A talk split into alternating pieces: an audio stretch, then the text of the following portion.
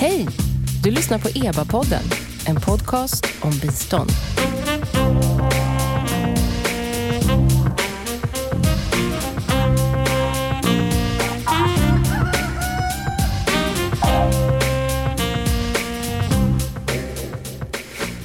Välkomna till EBA-podden som ges ut av Expertgruppen för biståndsanalys.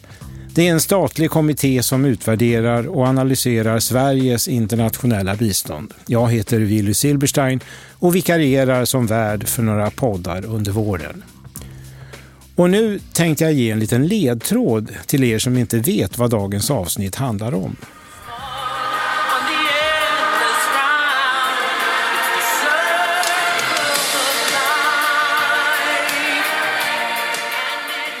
Just det, Circle of Life från filmen Lejonkungen får illustrera cirkulär ekonomi som tillämpas allt mer i bistånd.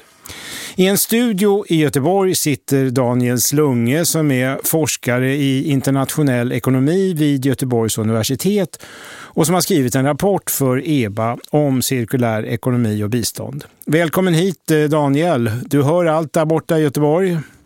Ja, eh, jag är med. Tack det, så du Det är bra och innan vi hör mycket mer av dig Daniel så tänkte jag att vi ska höra från professor Sofia Ritzén vid KTH som förklarar vad cirkulär ekonomi är. I den cirkulära ekonomin så vill man behålla produkterna, eller materialet är det snarast, resurserna i, där de har sitt högsta värde så länge som möjligt. Så det betyder att vi behöver använda produkterna mer, längre ehm, ehm, och minimera avfallet under hela tillverkningsprocessen och under användningen. Och eh, när vi inte längre kan använda en produkt, återanvända delar av produkten, komponenter eh, eller hitta ett annat liv för produkten, en annan användning eller en annan användare. Och så slutligen då att återvinna materialet, de som är återvinningsbara, eh, så långt det är möjligt. Nu vet vi förhoppningsvis allt om vad cirkulär ekonomi är och då frågar jag Daniel Slunge i Göteborg om du skulle plocka ut någonting ur din EBA-rapport, vad tycker du är det viktigaste? Ja du, eh, jag skulle nog vilja lyfta fram ett par saker. Eh, det första det är ju att Eh, vi måste ha ett globalt perspektiv när vi pratar om cirkulär ekonomi. Då kläder, plast, elektronik och allt annat ingår i globala värdekedjor. Eh, om inte annat så märkte vi det när Evergiven strandade i Suezkanalen här att eh, det blev snabbt stopp i, i varuflödena. Allt hänger ihop. Att, ja, precis. Så att en omställning till en mer cirkulär ekonomi i Sverige och Europa. Jag menar, vi har ju nya handlingsplaner på europeisk nivå nu. Eh, det är hela den här Green Deal och man, det är en rätt bred agenda där man både ska eh, komma till tals med eh, miljö och klimatkrisen men även skapa tillväxt och innovation. Och, så. och då ska man ställa om och det här får ju stor betydelse också då genom de här kedjorna då med de länder som Sverige samarbetar med genom biståndet. Så till exempel om man ställer krav på att eh, man ska ha produktpass med information om vilka kemikalier produkter innehåller, om de går att reparera, hur länge de håller och så vidare. Då. Eh, det kan ju, eh, dels kan det skapa handelshinder för fattiga länder då, som har svårt att anpassa sig till sådana här krav. Eh, å andra sidan kanske det kan skapa nya marknader då för reparation och återvinning då, där länder med billig arbetskraft kan gynnas.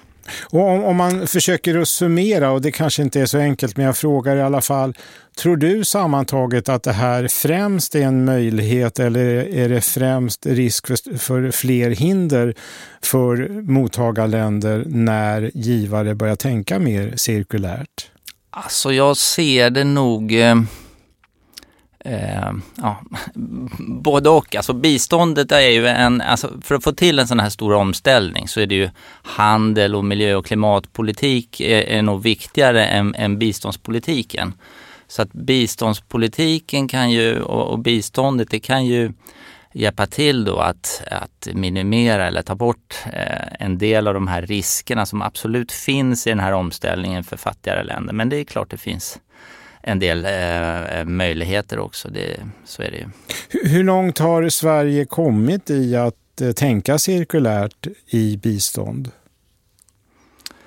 Ja, alltså som eh, terminologi, liksom det här med cirkulär ekonomi, så är det en ganska ny term i svenskt bistånd.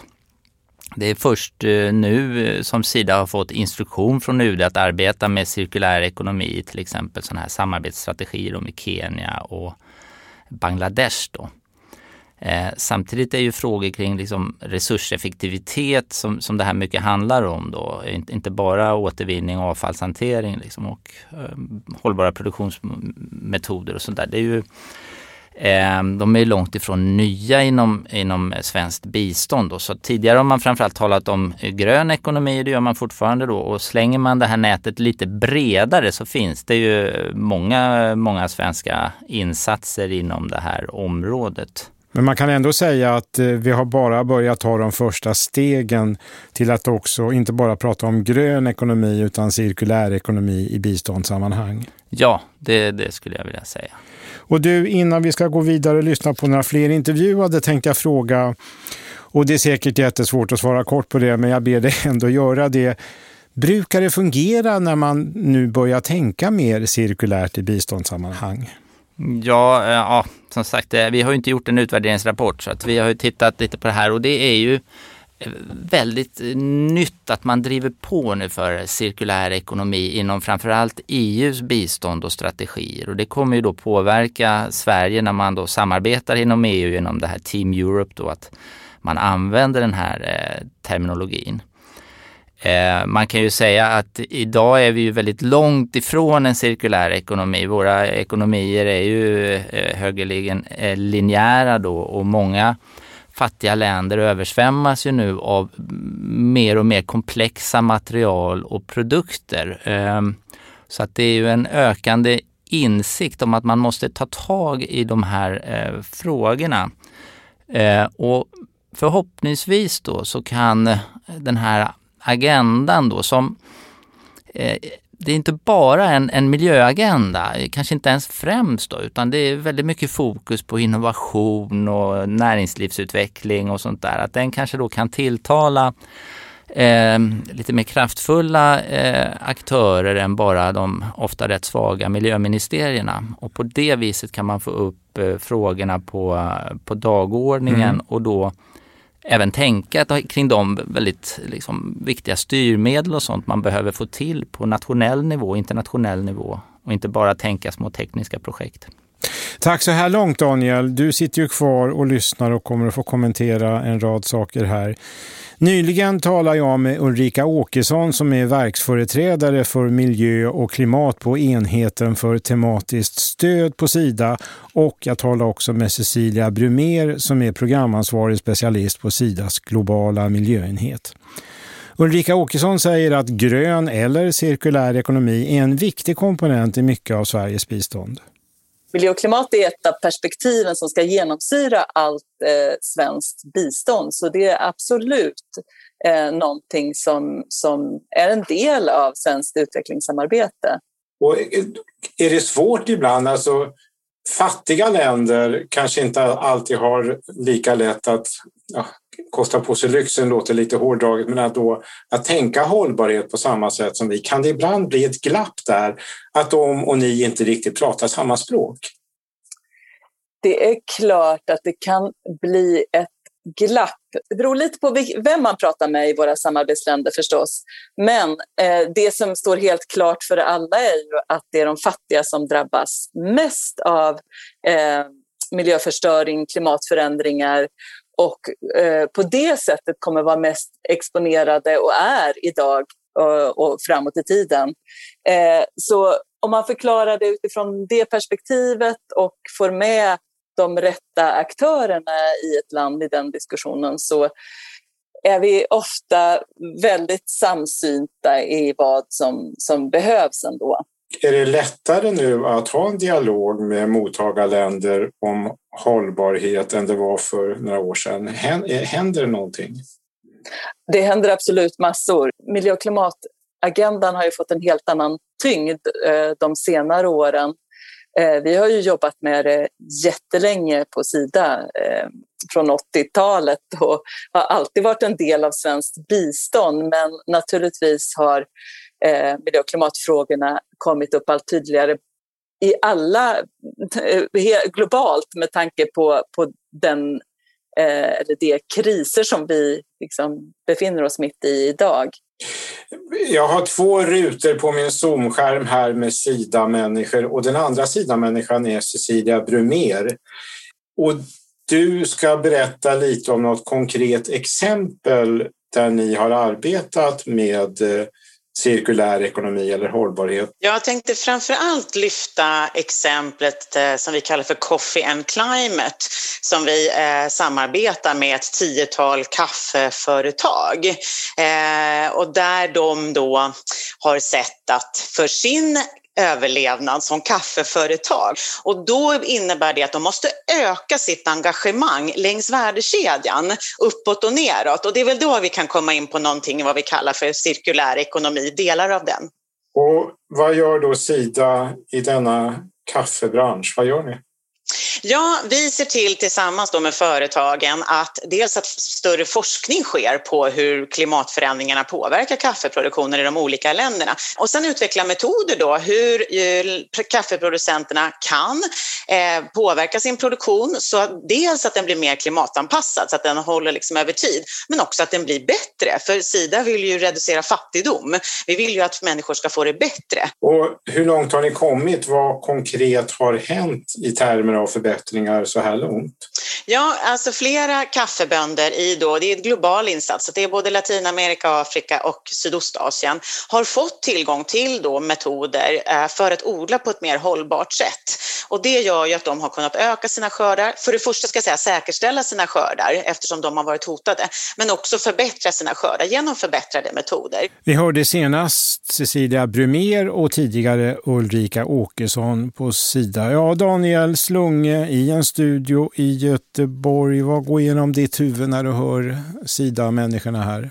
Ja, eh, två saker. Eh, det första eh, relaterar egentligen till din fråga då, att det kan finnas en skillnad då på vad som vi tycker är viktigt i Europa och vad man tycker är viktigt i, i, i Sidas partnerländer. Och traditionellt så har ju miljöfrågor varit så kallade så här motströmsfrågor då, där kanske man har lämnat dem till lite svagare miljödepartement och myndigheter och sådär. Men eh, ehm, och, och, och, så kan det nog vara, men det är intressant att eh, ja, det kanske är en vändning på gång. Eh, jag har själv eh, varit rätt mycket i eh, olika afrikanska länder senare år, olika sådana här utbildningsprogram och så, jobbat mycket med bland annat Miljömyndigheten i Kenya och följt hur de har ehm, eh, verkligen kämpat för att få igenom det här förbudet mot plastpåsar då som de nu är rätt stolta över då.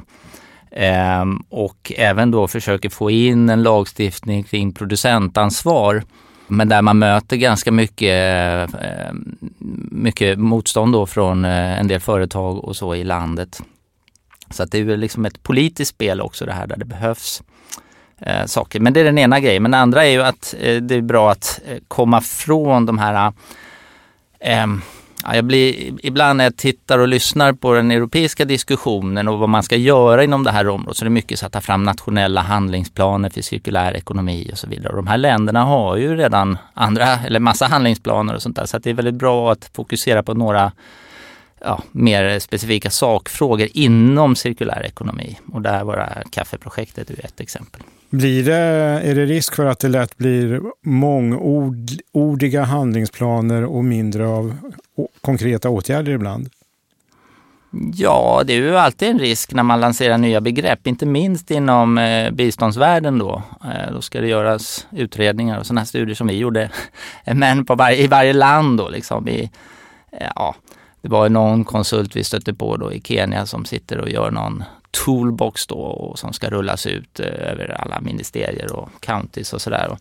Eh, jag tror man, eh, ja, man ska mm, ja, hitta några områden från svensk sida eh, där man redan är aktiv och har en, en, en styrka där man kan eh, ja, gå in och säga det här gör vi inom cirkulär ekonomi. Då. Mm. Till exempel tror jag att Sveriges liksom eh, starka mm, liksom, fokus på kemikaliefrågor kan vara, vara en sån eh, sak. Det är ju jätteviktigt om man nu ska cirkulera material i i, i, i högre utsträckning. Då måste man ju se till att man inte cirkulerar de farliga kemikalierna. Mm. Ett annat exempel kommer från Israel och trakten runt Hebron. Jag har talat med Jakov Garb som jobbar med att på ett mer hållbart sätt ta hand om elektroniskt avfall och som får stöd av Sida. People said, well, we used to collect rainwater. We've got the, you know, the collection on the rooftop and the cisterns under the house and Människor runt Hebron berättade om svart regn. Först förstod inte Jakov Garb vad de pratade om. If the devil were to, to, to create something to make as most mess as possible, they would take a couple of precious metals, wrap them up in Människor i Hebron brände kablar för att komma åt värdefull koppar. Bra ekonomi för de som eldar upp kablarna men förödande för miljön. Djävulen själv hade inte kunnat konstruera något bättre sätt att åstadkomma enorma miljöskador, säger Jakov Garb. I området tas nu gamla kablar om hand på ett betydligt mer hållbart sätt än tidigare samtidigt som man åtgärdar en del av de gamla skadorna på grund av uppeldade kablar. Det har betytt oerhört mycket för att förbättra miljön. In that area, it's the difference between being able to bring up kids there or not. It's the difference between, and this is like a real issue. Uh... Tack vare projektet har de ansvariga hittat en teknik som ger renare miljö så att människor kan bo kvar i sina områden med sina barn. Utan åtgärder hade det inte gått. Men projektet har ytterligare en hållbarhetsaspekt. Det har till exempel gjort det möjligt för studenter att åka från Hebron på Västbanken till själva Israel, studera och därmed öka kontakten mellan människor som ofta misstror varandra. De arabiska studenterna kan själva se och höra att många i Israel är kritiska till exempelvis hur Israel har agerat i de senaste stridigheterna. I had uh, students from the villages and they come and they study and they see life in Israel and I'm there and I think it's very helpful. You know, this uh, engineer in Gaza that I was chatting to you with just before we got on the phone. Så långt Jakov Garb från Israel och nu Daniel Slunge från Göteborg. Det här är ju ett annat konkret exempel. Vad säger du om det? Mm. Ja, det låter väl som ett eh, väldigt viktigt eh, och bra projekt. Eh, det här med att man bränner upp då sådana här kopparkablar för att få ut kopparn eller kretskort och sånt. Det är ju väldigt vanligt i uh, många av Sidas, uh, i de länder Sida arbetar i uh, och det ger ju upphov till stora miljöskador och hälsoskador inte minst då eh, ja, hela den här informella återvinningen av eh, elektronik och plast och, och, och sådär och inte minst elektronik då är, är ju ett jättestort eh, problem. Eh, och, och, i till exempel Ghana där det finns sådana här stora sajter, där har man ju då eh, mätt upp eh, höga halter av eh, flamskyddsmedel och andra så miljögifter i eh, i, eh, i både mark och, och, och jordbruksprodukter i, i området. Jag tror enda orsaken att man inte har uppmärksammat det här mer är att de här länderna har så enormt dålig miljöövervakning och hälsoövervakning. Liksom. Och samtidigt i mina öron, det låter ju som eh, så angeläget. Det låter ju fruktansvärt det han beskriver om hur regnet till och med färgade svart. Och du pratar om Ghana. Det här problemet måste ju finnas, som du säger, i så många länder, eller hur? Ja, absolut. Och det är här man eh, där det finns eh, de här riskerna vi pratade med inledningsvis då, att man eh, skeppar iväg då eh, stora mängder eh, eh material då, plast och elektronik eh, till fattigare länder och tänker att de ska återvinna det här och ofta har ju de då mycket lägre miljöstandarder och det sker väldigt informellt och det är då den här återvinningen eller vad man nu ska kalla det sker då till väldigt höga miljö och hälsokostnader. Mm. Och Jakov Garb sa till mig att Det har varit, eh, han har sett flera exempel på barn som har fått leukemi till exempel i området. Vi, vi vet ju självklart inte om orsaken, men det är väl en stor risk att det finns ett samband med miljögifterna i det området, eller hur? Ja absolut. Bly, alltså de här gamla miljögifterna, bly och kvicksilver och sånt där, det är ju ett stort problem i, i många fattiga länder. Man återvinner blybatterier och sånt där på ett inte så bra sätt. Eh, men här är det ju eh, en del på gång då inom, eh, och det är där jag menar att det, det samspelar då med handel och internationella miljöavtal. Vi har ju Baselkonventionen som reglerar handel och transport av farligt avfall. Och där har man nu precis infört då ett förbud mot eh, transporter av eh, osorterad plast som tidigare då flög över, eh, eller åkte över världshaven framförallt till Kina då, men de, eh, de sa ju nej till det här 2018 vilket ändrade hela den här världshandeln med återvunnen plast. Eh, men så att de här avtalen, internationella avtalen är, är, är väldigt viktiga i det här sammanhanget. Och precis att det är så viktigt hur, eh, vad som görs inom handel och så vidare. Tycker du att sektorn handel globalt sett är tillräckligt på i de här frågorna och är en aktiv medspelare med biståndsdelen för att det ska bli en lite mer hållbar värld? Ska vi, ska vi få en eh, omställning till en cirkulär ekonomi så krävs det att eh, konsumenter och producenter eh, miljarder ändrar beteende och det kan vi endast göra om liksom, prissignalerna eh, signalerar liksom, att eh, miljökostnader och sånt. Då. Och där måste handeln in tydligare tror jag. Eh, nu är vi på gång då när det gäller klimatet. Då om det är vissa länder som inte har några klimatskatter eller, eller eh, och så, då, då kanske det blir en, en sorts eh, tullar kring detta då.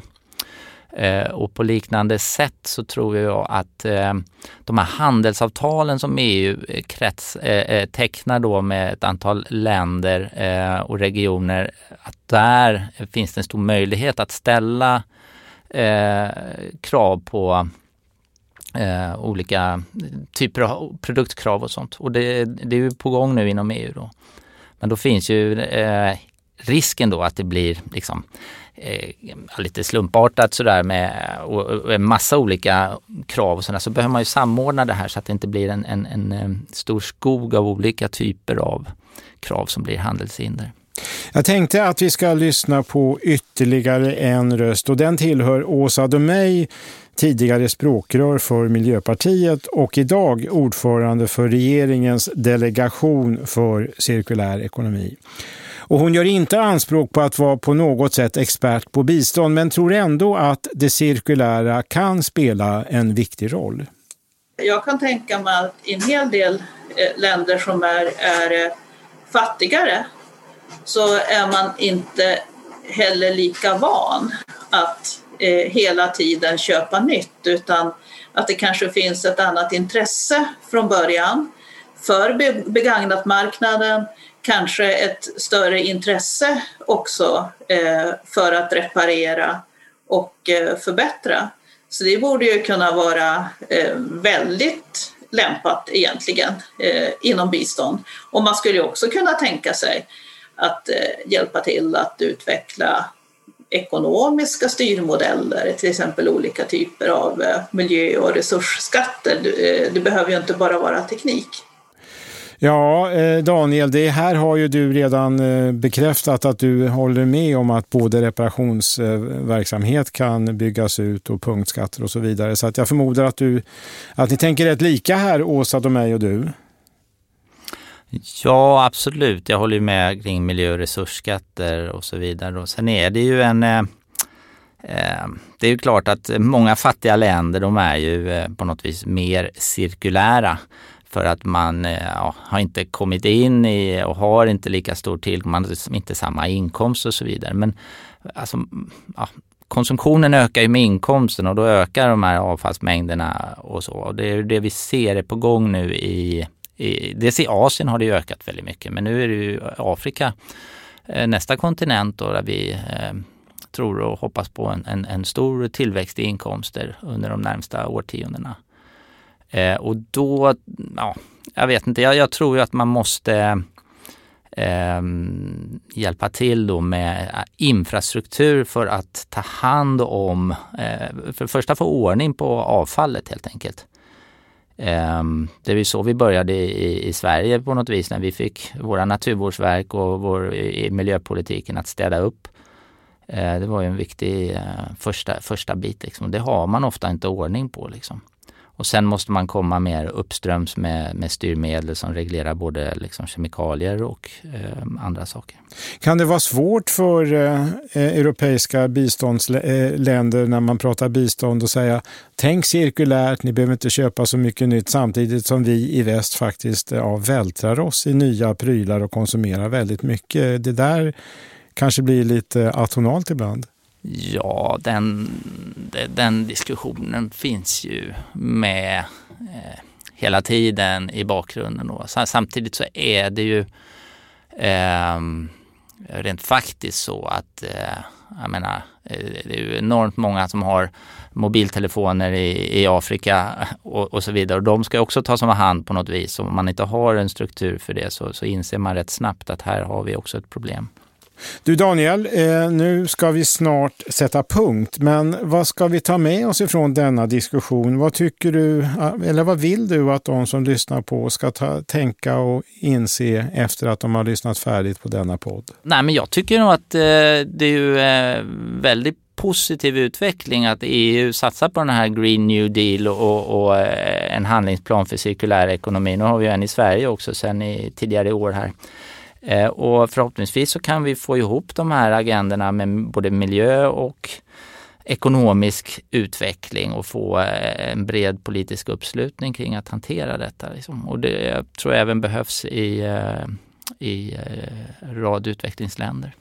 Och till sist, om jag skulle intervjua dig om tio år om det här ämnet, hur mycket tror du skulle ha hänt under de här kommande tio åren? Nej, men jag tror, jag hoppas att vi har eh, eh, fått på plats en del eh, styrmedel och, och, och sådär. Jag är inte någon naiv optimist och sådär. Det är enorma ut, utmaningar och sånt där. Men, men vi har väldigt starka möjligheter och jag ser också att länderna som vi samarbetar med, det här är, och det kanske är det mest hoppfulla då, att det finns ju en en mycket större eh, del av befolkningen som har en utbildning, man har en bättre egen kapacitet att ta hand och förstå och analysera den här problematiken och göra någonting åt det.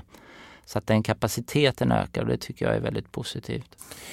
Och där säger jag stort tack till dig Daniel Slunge som har skrivit eh, en rapport för EBA om eh, bistånd och eh, eh, eh cirkulär ekonomi. Och om ni vill läsa hela rapporten eller om ni vill läsa andra rapporter eller lyssna på andra poddar, då rekommenderar jag er varmt att gå in på www.eba.se. Där finns mycket spännande material att ta del av. Och det kommer nya poddar från EBA och de finns där poddar finns. Så att vi hoppas att ni fortsätter att lyssna på oss. Och därmed sätter jag punkt och tackar för att ni har lyssnat på oss.